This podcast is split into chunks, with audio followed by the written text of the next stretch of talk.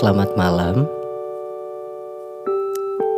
Sebelum terlelap, izinkan Kak Aldi dan Kak Mor untuk bercerita tentang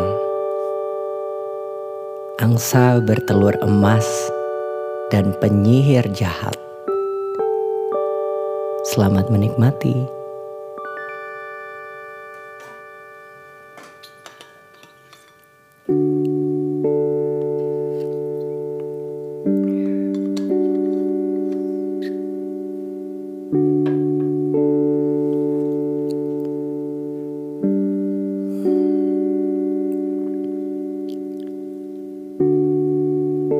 Pada suatu hari, seorang gadis cilik hidup sebatang kara di sebuah desa.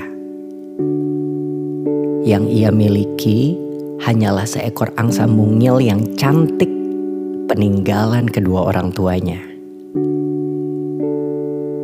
Seiring berjalannya waktu, angsa dan gadis kecil itu semakin tumbuh besar. Hingga suatu hari, saat angsa bertelur, gadis cilik itu terkejut karena angsa tidak bertelur seperti biasa.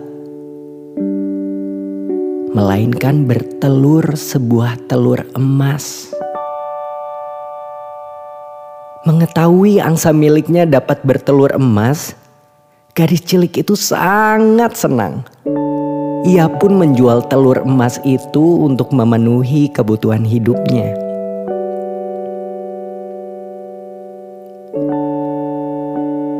Suatu hari, gadis cilik dan angsanya bertemu dengan seorang pengemis.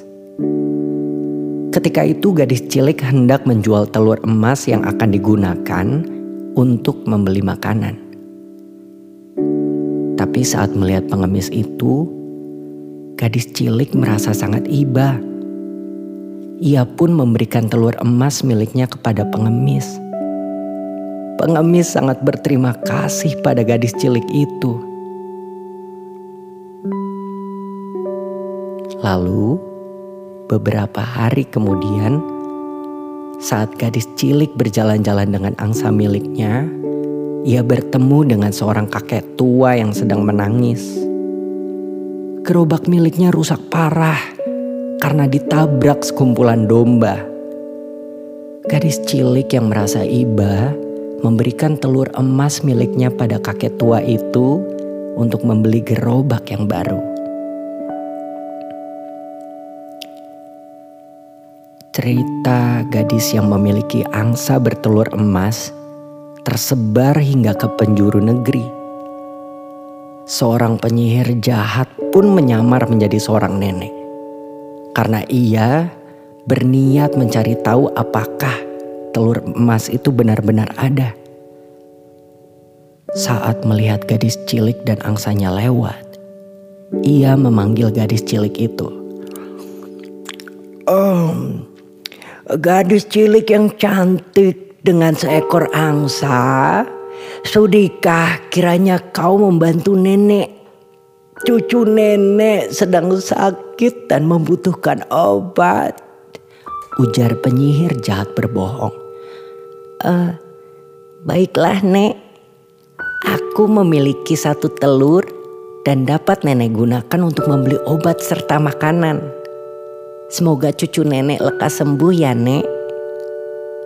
Garis cilik pun berlalu.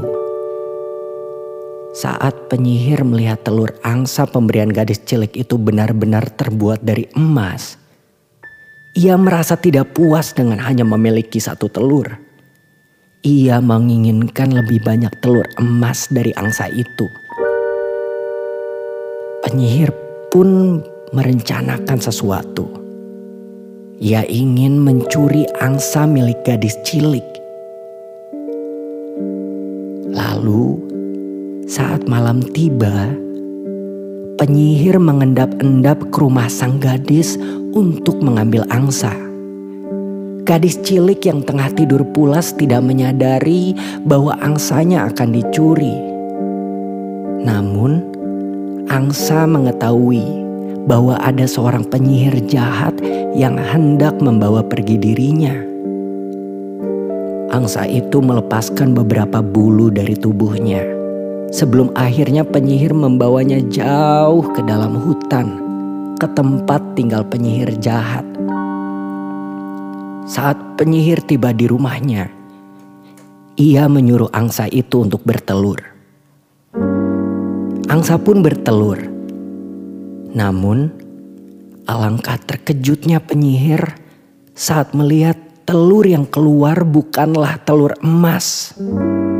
Telur yang ia terima hanyalah telur biasa. Bahkan saat ia membuka cangkangnya, Telur itu adalah telur busuk.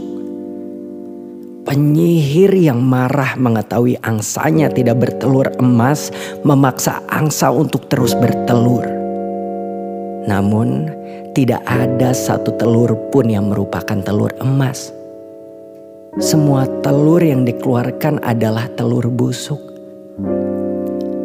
Sang penyihir semakin marah. Ia pun membelah perut angsa itu, berharap menemukan telur emas di dalamnya.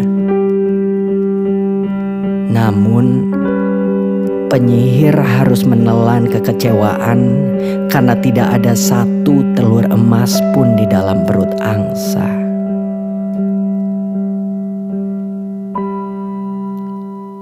Saat gadis cilik mengetahui angsanya telah pergi, ia sangat sedih. Ia mengira sahabatnya itu pergi karena sudah tidak ingin bersamanya lagi. Ia merasa bersalah karena ia mengira angsa telah lelah bertelur dan meninggalkan dirinya. Gadis cilik melihat beberapa helai bulu angsa tergeletak. Ia pun mengambil bulu-bulu angsa itu ia menyimpan bulu angsa itu baik-baik karena hanya itu yang dapat mengingatkan dirinya pada angsa yang telah bersamanya sejak lama. Bulu-bulu itu disimpannya di dalam sebuah kotak. Keesokan harinya, saat gadis cilik membuka kotak yang berisi bulu angsa, ia terkejut karena bulu angsa itu sudah berubah menjadi beberapa helai kain. Gadis cilik yang keheranan mengambil kain itu. Saat menyentuhnya, ia merasa seperti tengah menyentuh angsa miliknya.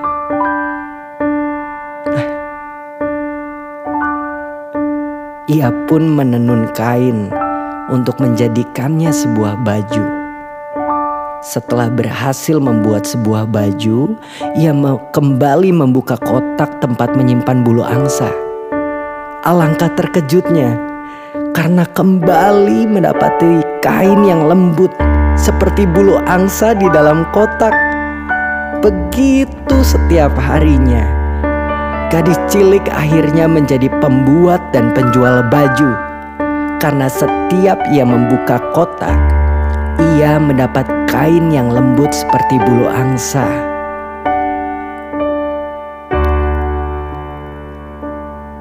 Gadis kecil sadar, biarpun ia tak dapat lagi bertemu dengan angsa sahabatnya, tapi ternyata angsa masih saja terus membantunya. Gadis kecil bahagia karena angsa tetap berada di sisinya. Di balik itu semua, sang penyihir jahat menyesal karena ia sadar bahwa ia terlalu serakah dan bagi siapa pun yang berniat buruk pasti akan berakhir buruk.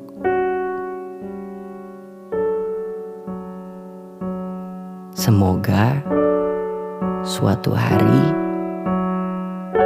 kita semua dapat berbaik sangka kepada apa pun, karena untuk mendapatkan manfaat baik, kita juga harus memiliki hati dan niat yang baik. Karena dengan begitu, dunia akan lebih menjadi lebih indah. Selamat tidur.